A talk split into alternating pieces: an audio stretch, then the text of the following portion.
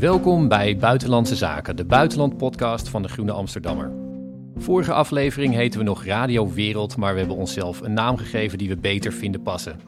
Buitenlandse Zaken zal elke drie weken verschijnen op groene.nl en op alle bekende podcastkanalen. Ik ben Rutger van der Roeven, de buitenlandredacteur van de Groene Amsterdammer. Ik zit in Amsterdam en ik spreek met mijn mede-buitenlandcolumniste Mathieu Segers, hoogleraar geschiedenis in Maastricht, met onze correspondent in Washington, Casper Thomas, en met wisselende gasten. Casper en Mathieu, welkom. Hoi, fijn om er weer te zijn, Rutger. Hoi Rutger, Mathieu. Vandaag spreken Mathieu, Casper en ik over de nieuwe Duitse regering en het regeerakkoord waarin onder meer veel aandacht is voor het klimaat en voor digitale zaken. Zet Duitsland onder kanselier Olaf Scholz daarmee een nieuwe koers uit voor Europa? Daarna spreken we in de rubriek historische woorden over Joe Biden en Xi Jinping, de presidenten van de Verenigde Staten en China, die elkaar ontmoeten in een virtuele top, waaronder de oppervlakte behoorlijk wat spanning zat. Ten slotte spreken Casper en ik met journalist Eva Oude Elverink, die net terug is als correspondent uit India, waar ze jaren heeft meegemaakt waarin premier Modi India prominenter op het wereldtoneel heeft gezet, maar in India zelf de duimschroeven heeft aangedraaid. Maar eerst dus nieuwe gezichten in Duitsland. Sinds vorige week heeft Duitsland een nieuwe regering. De opvolger van Angela Merkel is de voormalige burgemeester van Hamburg, sociaaldemocraat Olaf Scholz. Hij heeft een regering gevormd met de Groenen en met de liberale FDP. Mathieu, kun jij uh, eerst uitleggen wat de speerpunten van die regering zijn? Zeker, ja, de, de, deze regering is toch wel uh, iets heel bijzonders eigenlijk. Het is sowieso een novum, omdat... Uh, de Groenen, uh, de Sociaaldemocraten en de FDP nooit eerder een regering hebben gevormd. En deze stoplichtcoalitie is dus, dus nieuw.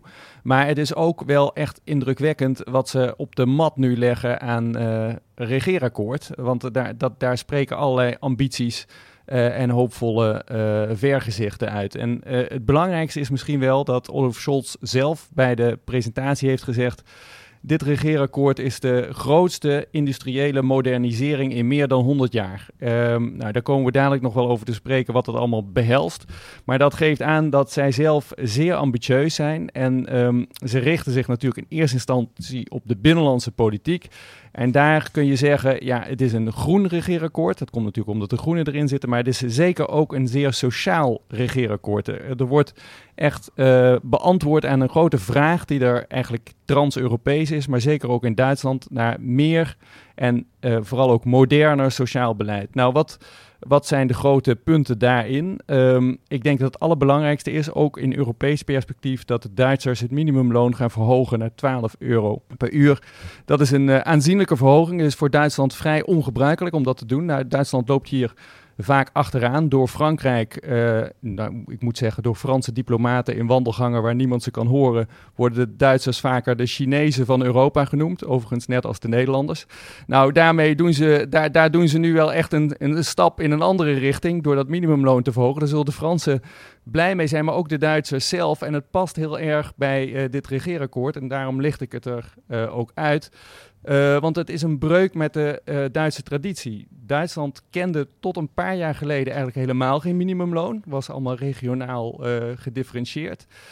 Merkel heeft dat wel ingevoerd en nu wordt het ook verhoogd. En daarmee komt Duitsland eigenlijk in een soort van ja, continentaal-Europese realiteit terecht, waar ze heel lang buiten zijn gebleven. En die dus ook als het ware communiceert, niet alleen naar het binnenland, maar ook naar de Europese partners. Wij hebben grote sociaal-economische ambities. Um, en ja, dat, dat, dat spreekt hier echt uit. Dus uh, ik denk dat dat een, een, een voorbeeld is wat ook echt um, uh, repercussies gaat hebben voor de Duitse positie in Europa. En waarbij je dus, nou, misschien een afrondende opmerking over dit onderwerp, waarbij je zult zien dat Duitsland gaat verschuiven naar een meer continentaal-Europese uh, houding als het gaat om sociaal-economische kwesties. Sociaal-democratischer, dat hoort natuurlijk bij de nieuwe bondskanselier, maar ook continentaal-Europeeser, minder liberaal. En dat wordt wel interessant uh, om te zien. Ja, dat is eigenlijk heel interessant als je het kijk er even naar vanuit, vanuit het perspectief van Amerika, waar eigenlijk zou je kunnen zeggen een vergelijkbare beweging is ingezet. Joe Biden is hier uiteindelijk verkozen als president met een agenda die socialer was, die groener was. En dat die vergelijking van dit is, dit is eens in de 100 jaar, nou goed, dit, wordt dan gezegd eens in de, in, in de 70 jaar bij wijze van spreken. Dat, dat sinds, de, sinds, eigenlijk sinds de grote depressie van de jaren 30 uh, Amerika niet meer zo ingrijpend op de schop genomen is. Nu is de vraag, is dat daadwerkelijk aan het gebeuren? Dat, dat, is, dat is, moeten we een keer een aparte podcast aan wijden eigenlijk. Maar het grappige is dat nou, het, of we dat nou het continentaal-Europese model noemen, dat, dat wat ik zeg, Amerika is ook een beetje die kant op aan het schuiven. En je zie, zag hier daar wel vergelijking, zag dat, dat de historicus Adam Tooze, die zei al van ja, is, is Scholz uh, de, de Biden van Europa? Um, en dat zit hem op, op dit punt, dat het toch een, een, een breed gedragen idee is in, in grote democratieën, dat als het ware uh, de, de onderkant omhoog gelift moet worden, omdat, het, uh, omdat te veel mensen het gewoon te zwaar hebben. En dat minimumloon bijvoorbeeld, dat is hier ook echt een kwestie, dat, dat is ook onderdeel van de Biden-agenda. Dus iets wat ik me dan afvraag, en dat is een vraag die ik dan weer voor Mathieu hebben, is opent dat ook als het ware een soort potentie voor uh, Amerikaans-Duitse convergentie. Het was eigenlijk de vraag, wie gaat Biden bellen als Merkel straks weg is? Nou, inhoudelijk lijkt het erop dat hij misschien Scholz wel kan gaan bellen. Ja, dat is een, eh, dat is een relevant uh, punt, Casper. Ik, ik denk eerlijk gezegd dat de Duitse regering onder Scholz uh, Amerika niet echt als voorbeeld gaat nemen. Uh, maar er zit wel een convergentie. En ik denk wel dat je helemaal gelijk hebt dat er op een dieper niveau een grote behoefte is aan een soort omslag van het liberale model, dat volgens velen is doorgeschoten de afgelopen decennia, naar een weer wat socialer model. Waarbij niet alleen aandacht is voor dat sociale beleid, maar ook de rol van de overheid eigenlijk veel groter wordt. En dat zie je ook helemaal terug in dat uh, Duitse regeerakkoord. Um, de uh, regering trekt heel veel naar zich toe. Uh, laat weinig over, zeker voor Duitse begrippen, toch relatief weinig over aan de markt als je dat vergelijkt met de afgelopen jaren. Uh, en dat is uh, interessant om te zien.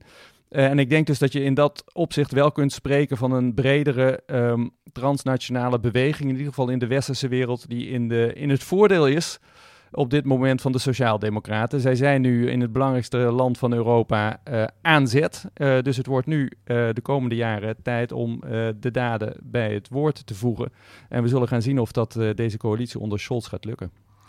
Ja, en um, dat regeerakkoord dat heeft een hele duidelijke nadruk op milieu. Ik, um, daar, van tevoren werd natuurlijk die, de Groenen die zetten daar ook heel sterk op in. Het is dan wel altijd de vraag van hoe, uh, hoe ver komt dat ook tot uiting. De Groenen wilden echt helemaal de Duitse diplomatie ook daaraan um, ondergeschikt maken. Belangrijke zaken die, uh, die ook Rusland zouden raken ondergeschikt maken aan dat milieu. En dat regeerakkoord, dat lijkt ook echt um, heel veel te doen. Veel verder te gaan dan een soort uh, lippendienst, maar een echt uh, ook een visie voor de, voor de toekomst van Duitsland te hebben, groen. Kun jij daar iets, iets meer over vertellen, Mathieu? Ja, ja, dit is eigenlijk de kern van die grootste industriële modernisering in meer dan 100 jaar, waar Scholz het over had bij de presentatie. Die groene klimaatagenda die staat echt centraal. En er wordt nog, dat is nog niet uitgekristalliseerd overigens, maar er wordt gesproken over een superministerie voor klimaat. Dat dan ook door de groene bezet zou gaan worden. Uh, en dat, dat, dat communiceert allemaal hetzelfde, namelijk dat hier hele grote veranderingen op til zijn. Uh, in combinatie met wat we net al zeiden, die grotere rol van de overheid, die deze Duitse regering ook echt naar zich toe trekt. Nou, een paar concrete dingen die erin staan, die best uh, opvallend zijn. 2030 wil Duitsland van de kolen af zijn. Dat is een versnelling en een zeer ambitieuze versnelling in het historisch perspectief. Uh, eh, 2030 wil men ook 15 miljoen elektrische auto's hebben. Dat is ook uh, niet uh, voor de poes, zal ik maar zeggen, qua ambitie, ook qua infrastructuur die daarbij hoort. Hierover wordt wel gezegd door diverse criticasters van het regeerakkoord, die er natuurlijk ook al zijn, dat dit ook um, ja, een grote geste is in de richting van de autolobby, omdat er allerlei fiscale facilitering bij zit natuurlijk bij deze doelstelling. Maar niettemin uh, zijn dit harde, harde cijfers. Maar uh, daar moet bijgezegd worden, wat ik net al zei in het begin, er moet nog veel uitkristalliseren. Dus dat superministerie is er nog niet.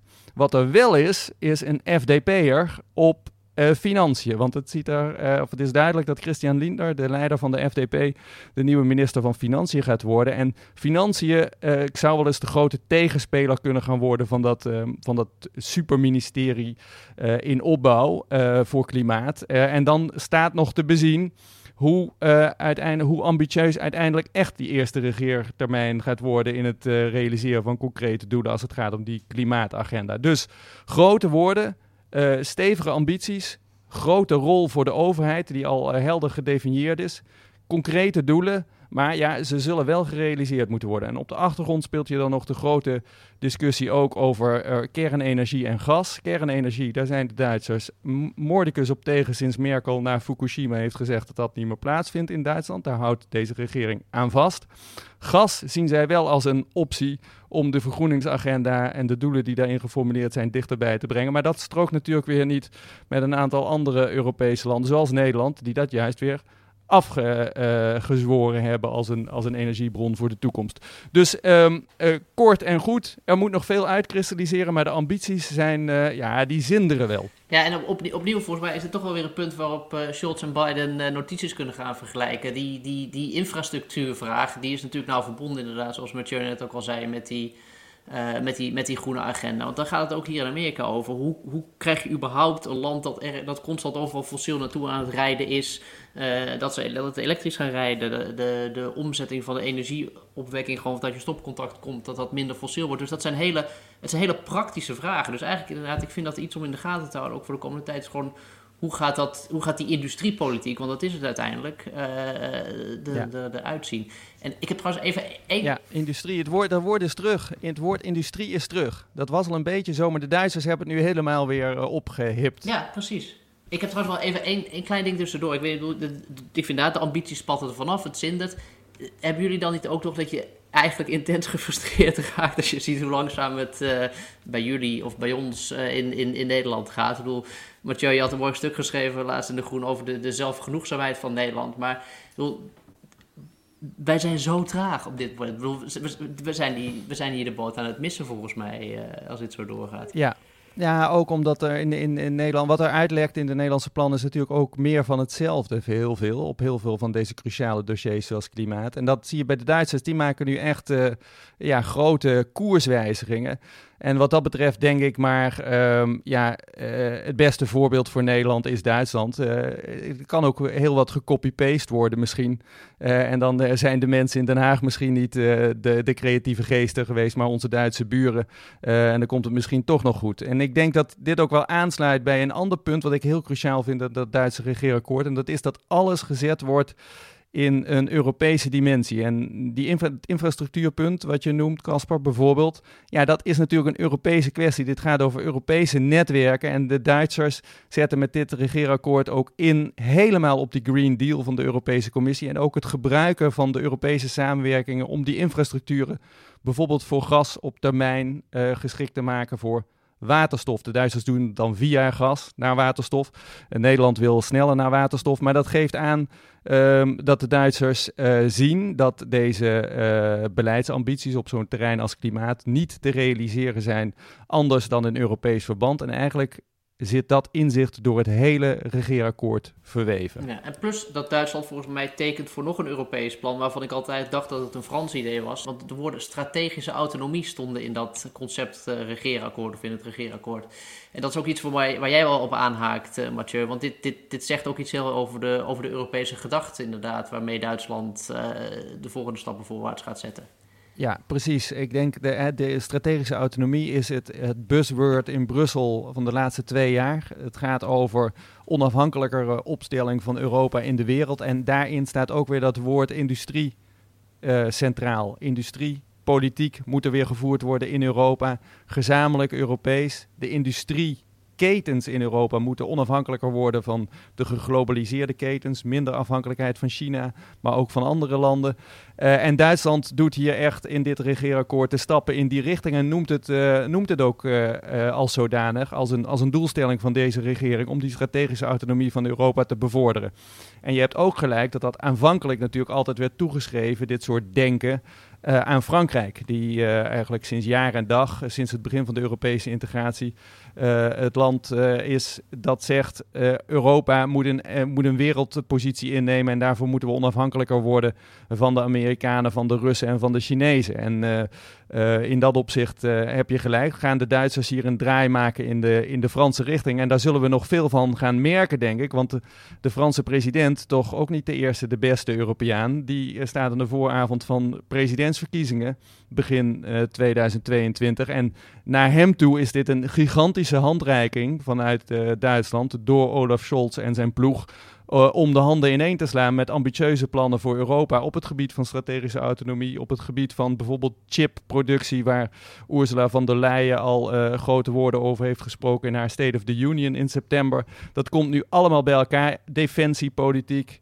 Um, het, het, stimuleren van Europese kampioenen in strategische sectoren van de economie, digitalisering, komt allemaal bij elkaar. Uh, doordat de Duitsers nu deze, deze opening bieden eigenlijk om die agenda niet alleen uh, door Brussel en Parijs uh, te laten dragen, maar ook vanuit Berlijn. Ja, en dat, dat betekent echt wel iets. dus daar gaan we nog veel aan van merken. Ook, en dat is ook nog belangrijk om te zeggen, omdat er verder in, het Europe in dat regeerakkoord van Duitsland staat dat er uh, opening moet zijn voor um, verdragswijziging. De, de, deze regering die wil eigenlijk nadenken over een nieuw verdrag uh, voor de Europese Unie, verdragswijziging, om juist dit soort ambities ook handen en voeten te geven, inclusief bijvoorbeeld een grotere rol van het Europees Parlement, uh, inclusief meer ambitieuze agenda voor de Europese Commissie op zo'n thema als strategische autonomie. Uh, en gevoed door de Conference on the Future of Europe, de grote burgerraadpleging die op dit moment plaatsvindt onder Frans-Duitse impulsen uitgevoerd door, de, door het Europees Parlement en de Europese Commissie. Dus er gaat ook op het Europese uh, bord enorm veel uh, gebeuren. Um, dat kan eigenlijk niet anders door, ja, door dit regeerakkoord in Berlijn. Ja, dan eventjes gewoon even een hele korte vraag om af te sluiten. We zagen in de afgelopen 16 jaar toch dat ja, Frankrijk wilde heel graag met Duitsland een partnerschap. In praktijk was het toch vaak zo dat op de, de momenten dat het echt de boel stond te wankelen, keek iedereen naar naar, naar Duitsland, naar Merkel. Uh, Scholz die heeft gezegd dat hij uh, ja, dat die Europese leiderschap wil. Is tegelijkertijd toch wel erg vaag. Hoe zie jij um, nu deze regering er is, het Duitse leiderschap in, in Europa? Nou, het vorige Duitse regeerakkoord onder impulsen toen nog van Martin Schulz, de voormalige voorzitter van het Europees Parlement, die toen de SPD leidde, was het meest pro-Europese Duitse regeerakkoord ooit. Dit gaat daar nog met gemak overheen. Dus wat we zullen zien is Duits leiderschap, maar wel alleen in, binnen de kaders van de Europese integratie. Dus niet alleen uh, aan de leiding, maar samen met Frankrijk en liefst ook met een Europese Commissie en een versterkt Europees Parlement. En wat duidelijk wordt uit deze, dit regeerakkoord is dat de Duitsers daar niet alleen uh, gaan afwachten, maar zelf ook met ideeën en initiatieven gaan komen. En dat is natuurlijk gewoon ongelooflijk goed nieuws voor uh, Emmanuel Macron, die tot nu toe toch vaak te maken had met een Merkel die pas echt in beweging kwam als het niet anders kon. Uh, deze Duitse regering lijkt, uh, lijkt proactiever te willen handelen op de cruciale Europese dossiers. Nou, heel erg bedankt. Graag gedaan. We gaan het inderdaad uh, nauw volgen. En tot de volgende keer, Mathieu. Tot snel. Bedankt. Hoi. En dan nu, historische woorden, onze vaste rubriek waarin we een citaat bespreken van een politicus uit de afgelopen weken dat zomaar historisch zou kunnen worden. En die woorden komen dit keer uit een virtuele top die de Amerikaanse president Joe Biden en zijn Chinese collega Xi Jinping vorige week hadden. Daarvan werden alleen een paar minuten vrijgegeven waarin de presidenten elkaar vriendelijk begroeten. Uh, in dat intro, wat dus publiek geworden is, spraken beide presidenten over het belang van vrede. We luisteren daar even naar. Good evening to everyone here in the United States and good morning to you, Mr. President in Beijing. Good to see you, Mr. President, and your colleagues. It's the first time for us to meet virtually. As I've said before, it seems to me our responsibility as leaders of China and the United States to ensure that the competition between our countries does not veer into conflict, whether intended or unintended. Ja, u hoorde onder meer Biden zeggen dat het belangrijk was om te zorgen dat beide landen niet naar conflict uh, afdrijven. En dat was allemaal mooi, maar de mogelijk historische woorden waar we uh, toch op willen wijzen, die kwamen daarna. Die weer kwamen in het niet vrijgegeven deel. Want zowel in China als in de Verenigde Staten werden minder aangename woorden naar de pers gelekt die daarna zouden zijn gesproken. En die gingen hoofdzakelijk over Taiwan. Uh, dat wordt door China als een afvallige provincie beschouwd en niet als een onafhankelijke staat. En Xi Jinping zei volgens een sta Chinese staatszender tegen Biden dat het steunen van onafhankelijkheid voor Taiwan spelen met vuur is. En hij voegde toe: Wie met vuur speelt, zal zich branden. Um, toch een vrij, laten we zeggen, ondiplomatieke uh, waarschuwing. Casper, hoe werd die um, die top in de Verenigde Staten bekeken en ook ja, de, de banden tussen de Verenigde Staten en China op dit moment? Nou, die, die top was eigenlijk inderdaad een, werd een beetje afgedaan als ja, het stelde al niet zoveel voor, er kwam niet zoveel uit. Uh, ook onze woorden, zoals je in het begin ook hoorde, ja, het was een beetje formalistische praat, belangrijk om het gesprek open te houden, et cetera, et cetera.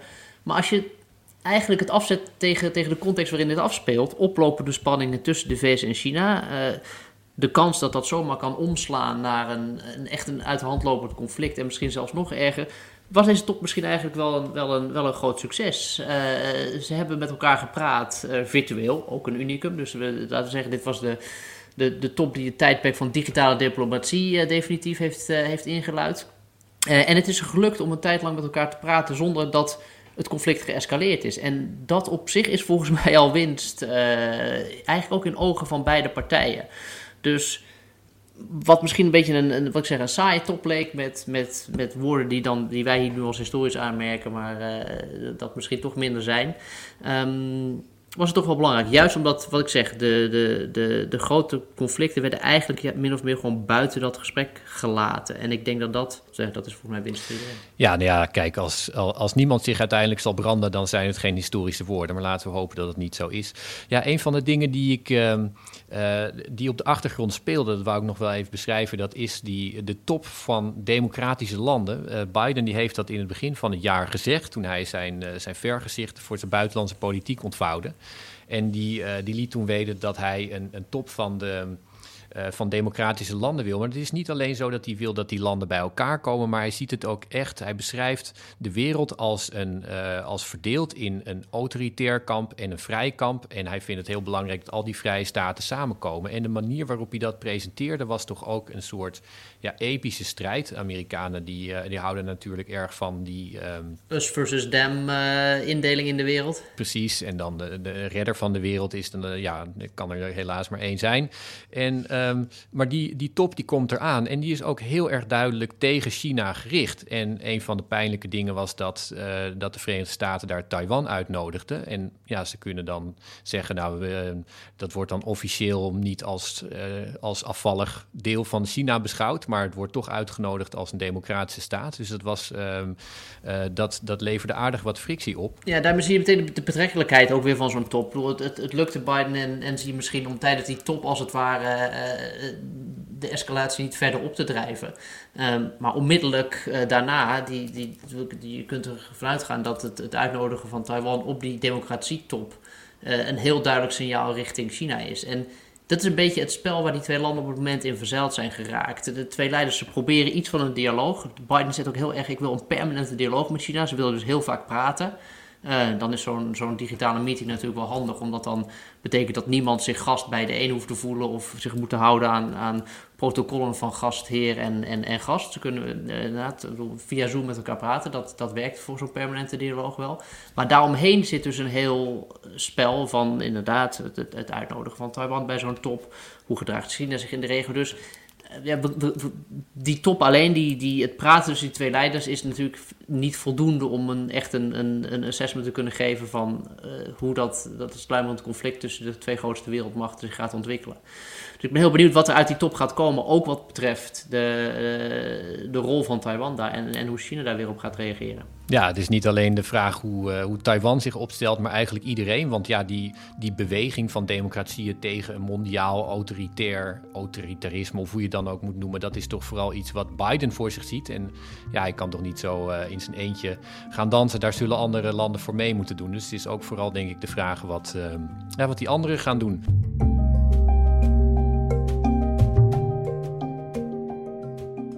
Een van de landen die daar uh, onder meer is uitgenodigd, dat is India. Logisch zou je zeggen, want dat is de grootste democratie ter wereld. Maar de democratie daar die stond de afgelopen jaren flink onder druk.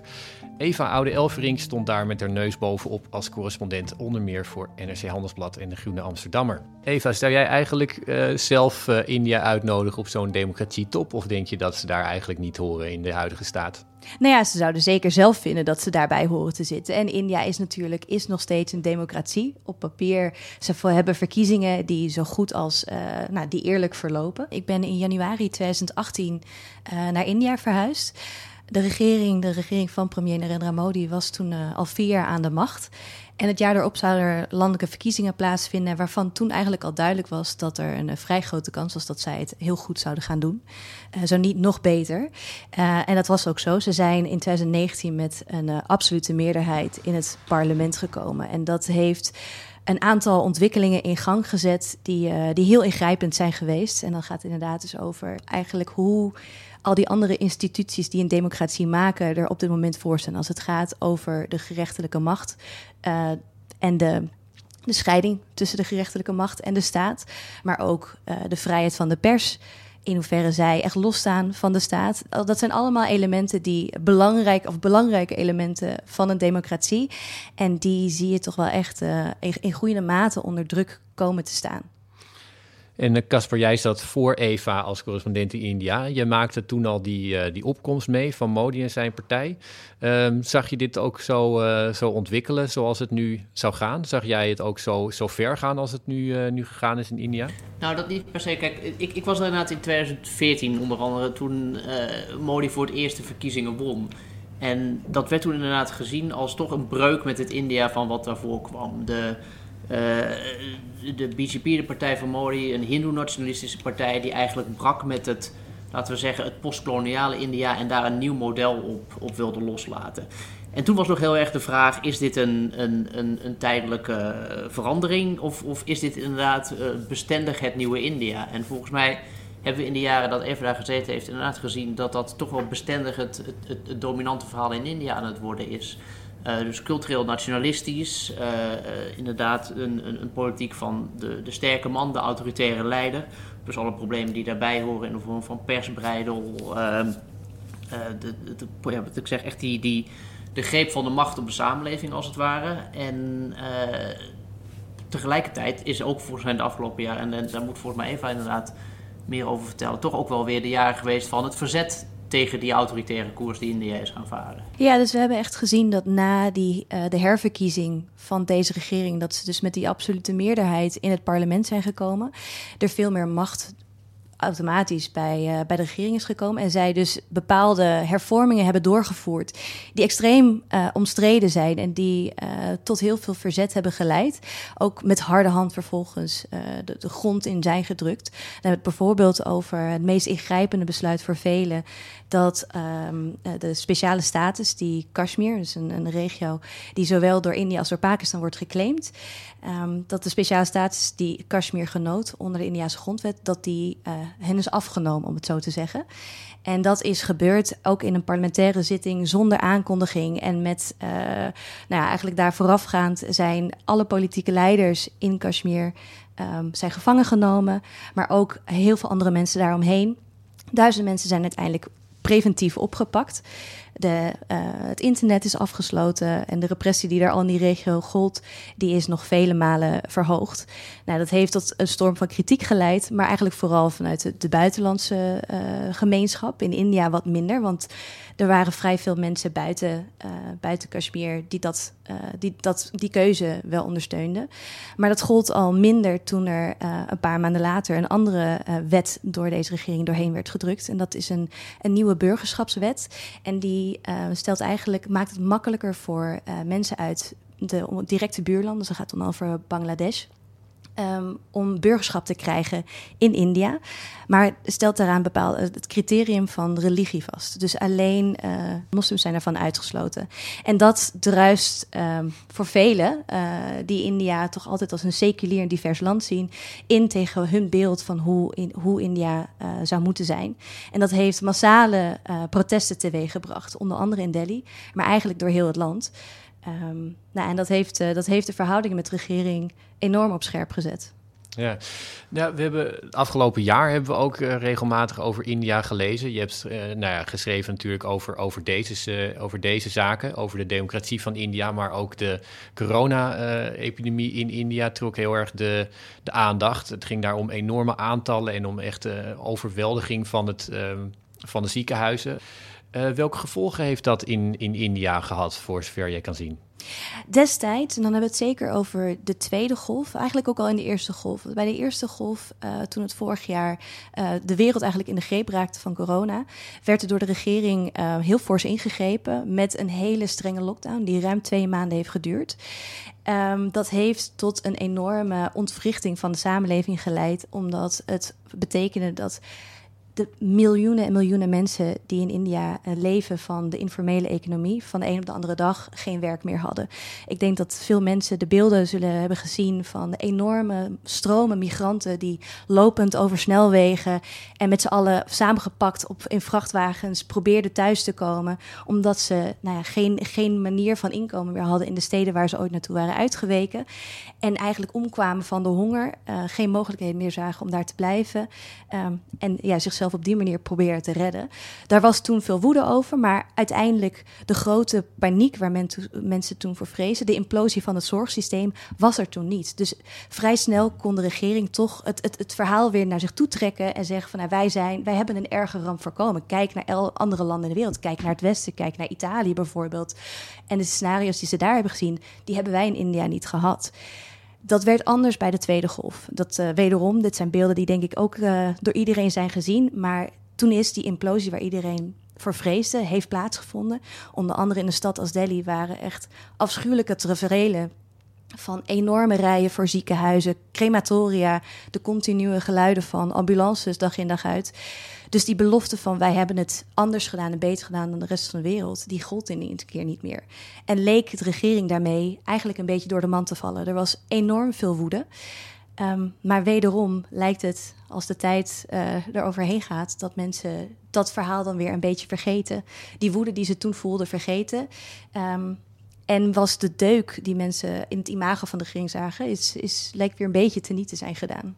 En speelt dan ook altijd mee dat, uh, dat India wil laten zien dat het geen derde wereldland meer is? En dat op zulke momenten dat dan uh, opeens die vraag weer opgeroepen wordt, of niet? Absoluut, want dat was ook in januari, als ik mij, als ik mij uh, dat goed herinner, dat Modi het World Economic Forum in Davos toesprak.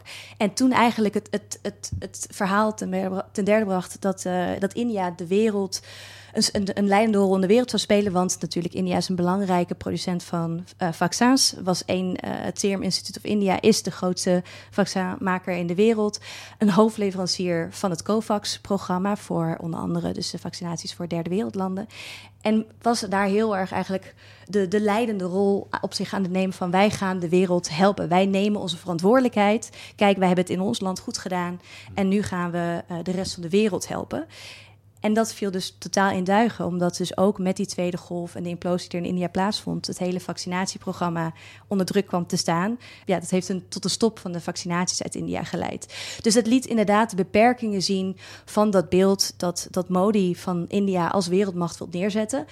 En dat het dat eigenlijk nog niet helemaal kan waarmaken.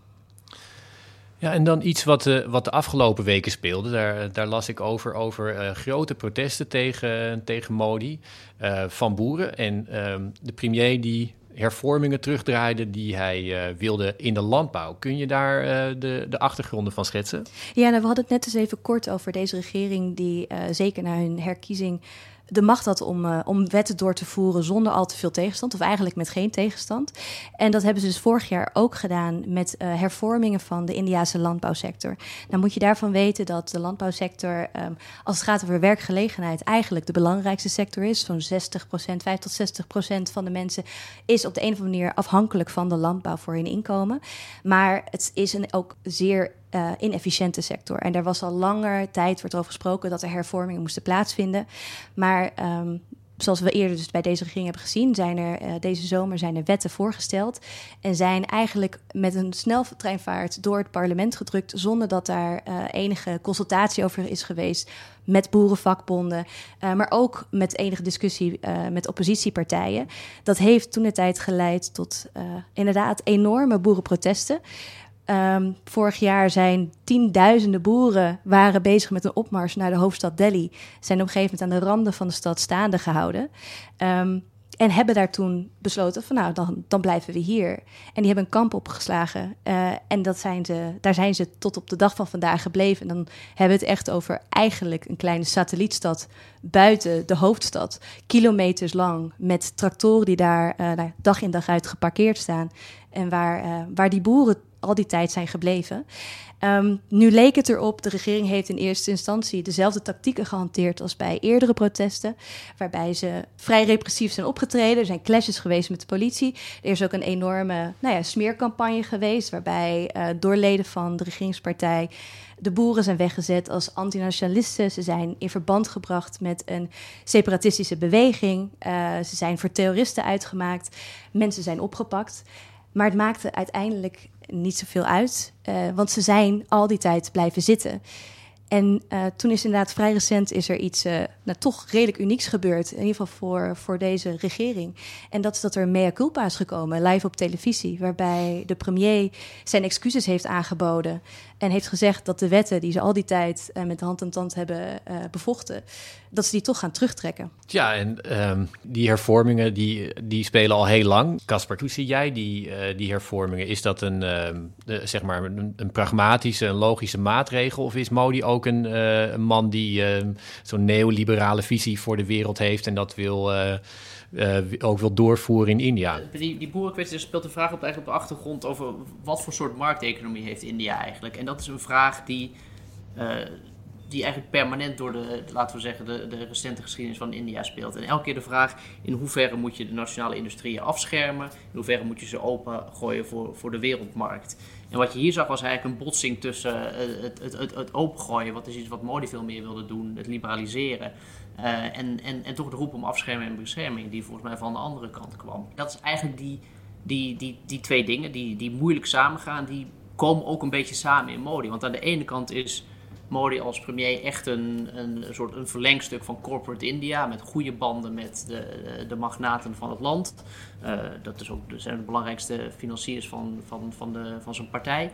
Aan de andere kant is hij ook iemand die op een bepaalde manier een soort made in India uh, en, en onze eigen uh, nationale cultuur van productie en dingen maken een, een boost wil geven. Dus ik heb het idee dat hij een beetje als het ware schipper tussen die twee, tussen die twee kanten. En Um, ik ben er ook wel even over denken, maar misschien is, is, dat eigenlijk een beetje die, dat, dat conflict tussen die twee dingen wat hier uiteindelijk is uitgespeeld en nu dan de dubbeltje naar de ene kant is gevallen. Maar volgens mij over het algemeen is Modi toch, toch wel de, de, de liberaliseerder en, en, en de leider die het land wil opgooien voor grote internationale bedrijven. Nou, Modi wil zich wel graag zo wederom op het wereldtoneel neerzetten. Hij wil graag zeggen dat buitenlandse bedrijven welkom zijn. Maar tegelijkertijd is zijn beleid, uh, en zeker ook in de afgelopen jaren, is, is meer en meer protectionistisch geworden. Dus er zijn tarieven. India heeft sowieso vrij hoge importtarieven. Die tarieven zijn verhoogd. Wetgingen zijn aangepast op op een dermate manier dat het eigenlijk onaantrekkelijk is geworden voor grote multinationals in India om, om daar echt te investeren. Um, maar ja, het is wel zo dat hij inderdaad een dichte lijn heeft, of een, een ja, een, een, korte lijn heeft met uh, de grote industrialisten in India zelf. En dat zijn eigenlijk degenen die vooral nu aan het profiteren zijn van het beleid dat hij aan het voeren is. Het zijn onder andere uh, Mukesh Ambani, wat de rijkste man is uh, in India. En hij is bijvoorbeeld ook een naam die heel veel terugklonk bij die boerenprotesten, omdat de boeren vreesden dat zij door die hervorming van die landbouwwetten overgeleverd zouden zijn aan de, de Ambanis van India. En dat is hetgeen waar zij heel erg tegen hebben geageerd. En ja, een vraag voor jullie allebei eigenlijk. Die, uh, dat autoritaire beleid wat hij heeft gevoerd van de, de, afgelopen jaren, zouden jullie zeggen dat dat meer een soort ja, platte manier is om aan de macht te blijven? Of heeft hij daar ook een, uh, een visie bij, zou je kunnen zeggen? Een, een soort manier waarop hij de, de Indiase staat wil, wil inrichten op een meer autoritaire manier? Modi is van zichzelf een hele centralistische leider, wil graag eigenlijk alle touwtjes in handen hebben. Neemt ook al zijn besluiten altijd met een, het liefst met een zo klein mogelijke groep getrouwen. Um, maar doet dat wel echt vanuit een ideologische visie. Zijn achtergrond Kom, hij komt uit uh, de Rastria Swayamsevak, wat een hindu-nationalistische organisatie is. Het is eigenlijk het moederschip waar zijn partij uh, uit voortkomt. En daarin gaat het heel erg over het streven naar van India uh, een, een hindoe-staat te maken. En eigenlijk is alles wat hij in zijn hele carrière, eerst als, als als ja, vrijwillig, laat het zo zeggen, voor, voor de RSS, tot later als, uh, als politicus, is erop gericht geweest om India tot die Hindoestaat te maken. En daarvoor denkt hij, en denken de mensen rondom hem heen, dat sterk leiderschap extreem belangrijk is om, uh, om, ja, om die veranderingen te kunnen doorvoeren. En wordt hij ook echt neergezet. Eigenlijk een beetje tegen wat dan weer ingaat tegen de kern van de RSS, die gaat over iedereen. Iedereen binnen de organisatie moet gelijk zijn um, en geen hiërarchie. Maar is dit wel de overtuiging dat op deze manier eigenlijk hij uh, India die kant op kan leiden? Wat hier ontstaat is toch ook wel weer de spanning tussen, tussen Modi binnenland en, en, en op het wereldtoneel, zou je kunnen zeggen. Uh, sinds hij aan de macht is, uh, is India echt gekelderd als het gaat over uh, persvrijheid en veiligheid voor journalisten. Burgerrechten staan onder druk. Dus de hele wereld ziet eigenlijk dat de, de Indiase democratie aan het, in, in die zin aan het afkalven is. Niet misschien in de basisstructuur, in de zin dat er verkiezingen worden gehouden, maar eigenlijk als je zegt de, de, de, de benodigde democratische omlijsting daarvan, wat ik net al noemde, meer in wat het, rechten en vrijheden. En Um, dat is ook een beetje hetgene wat, wat, wat dan weer doet wringen in de relatie die Modi zoekt met, uh, met andere leiders in de wereld. Uh, Modi wil graag dat India voor wordt aangezien. Die wil India presenteren als een land dat belangrijk is op het wereldtoneel. En daar hebben ze westerse landen ook bij nodig. En het is een hele grote vraag, ook bijvoorbeeld toen hier de nieuwe regering in Amerika aantrad, wat, wat voor, voor relatie zoeken wij met India? Aan de ene kant hopen ze India te kunnen gebruiken als een bondgenoot om een soort bolwerk tegen China te vormen. Maar tegelijkertijd staan ze in de lastige positie dat ze iets moeten zeggen en vinden van die democratische afkalving in India zelf. En volgens mij, als we naar de de nabije toekomst gaan kijken, gaat dat eigenlijk een beetje de vraag worden de, uh, voor, voor, voor India's internationale rol voor de komende tijd. Want dat is, toch, dat is voor mij nog niet helemaal uitgekristalliseerd. En daarom is die, die democratie-top best interessant. Dat Modi daar mag komen, formeel snappen we dat allemaal. Maar tegelijkertijd is het ook een beetje een, uh, een, zorgenkindje dat dan uh, daar aantreedt. Dus ik ben ook heel benieuwd op wat voor manier het gesprek tussen India en andere landen gaat op die top straks. Ja, misschien als een laatste vraag voor, uh, voor jullie allebei. Dat nieuwe India, dat zeg maar dat, dat Modi wil presenteren, dat is een krachtig India. Is dat ook gewoon puur um, gericht op India alleen? Of heeft uh, India nog steeds die ambitie om te staan voor, voor meer en een leider te zijn van een bepaald type land waar het zichzelf uh, de, de voorvechter van, van vindt? Ik denk dat India zichzelf vooral die rol wil, wil geven. Die ziet zichzelf ook echt als een tegenhanger van China in de regio. Ze zijn de democratische bondgenoot van onder andere het Westen in, in de regio. Maar ze zijn ook zeker de spreekbuis. En dat zag je bijvoorbeeld bij de klimaattop van al die derde wereldlanden. Die in dit geval uh, eisen dat er ook een eerlijke behandeling komt van, van uh, ontwikkelingslanden ten opzichte van de ontwikkelde landen. Als het gaat over uh, zaken als klimaatfinanciering. Dus India wil die voorvechter zijn, zeker voor, voor de ontwikkelingswereld. En wil tegelijkertijd ook laten zien dat zij een gelijke speler zijn met het Westen. Uh, bijvoorbeeld als het gaat over um, ja, de concurrentie met China. Ja, ja en, de, en, en de grote vraag is in hoeverre, uh, op, op welk punt als het ware, sneuvelt die, die internationale ambitie gewoon puur op, op achterstand en, en het, het achteruitgaan van bepaalde binnenlandse ontwikkelingen als het gaat om, om honger, uh, wat is het, onderwijs, al dat soort zaken, zakt India eigenlijk weg. Ook ten opzichte van de buurlanden als Pakistan en, en Bangladesh. Dus ik, ik zie eigenlijk een steeds grotere discrepantie als het ware tussen het verhaal dat India, waarmee India de wereld intrekt, of in ieder geval de regering Modi de wereld intrekt, en, en, en de binnenlandse toestand daar. Nou ja, en dat is ook wat je, je had het net over, dat, jij, dat, dat je je afvraagt hoe het zo meteen op die top, uh, zo, wat voor gesprekken daar gevoerd zullen worden. En ik denk ook in de gesprekken die ik met uh, buitenlandse vertegenwoordigers en diplomaten heb gevoerd over de afgelopen periode, en zeker ten tijde van die tweede golf, is dat echt een vraag is van hoe ze met India om moeten gaan. Omdat aan de ene kant allerlei beloftes worden gedaan die vervolgens niet worden nagekomen. Maar ze zien ook die glijdende schaal, uh, als het gaat over democratie, over de wijze waarop uh, demonstranten worden onderdrukt, waarbij critici worden onderdrukt. Uh, je had het al over de persvrijheid, die zwaar onder druk staat. Dus dat dat, dat, dat een enorme worsteling is. En ja, het, is de vraag inderdaad hoe dat zich de komende jaren verder uit zal spelen. Maar we zullen het zien. Ja, en jij, jij zelf, Eva, wat, um, wat ga jij doen? Uit welke standplaats kunnen we jij, jou volgende keer vragen voor uh, buitenlandse zaken? Nou, ik, uh, als alles goed gaat, want het, met het nieuws van de afgelopen dagen is dat natuurlijk een beetje ingewikkeld nog te voorspellen. Maar ik, ik verhuis in het komend jaar naar Senegal om, uh, om daarvoor onder andere NRC, maar ook voor de Groenen uh, als correspondent West-Afrika te gaan werken. Nou, fantastisch. Wij zien er in ieder geval naar uit om je dan weer te vragen over West-Afrika, nu in ieder geval India. Dankjewel, Eva. Nou, jullie bedankt. U luisterde naar Buitenlandse Zaken, een podcast van de Groene Amsterdammer. U hoorde Rutger van der Hoeven en Eva Oude-Elverink vanuit Amsterdam, Casper Thomas in Washington, Mathieu Segers vanuit Maastricht. Deze podcast werd gemaakt door Giselle Mijnlief. Later in de week is de reguliere podcast van de Groene Amsterdammer er weer. En dank voor het luisteren. En als u meer van ons wil lezen of abonnee wil worden van de Groene Amsterdammer, ga dan naar www.groene.nl.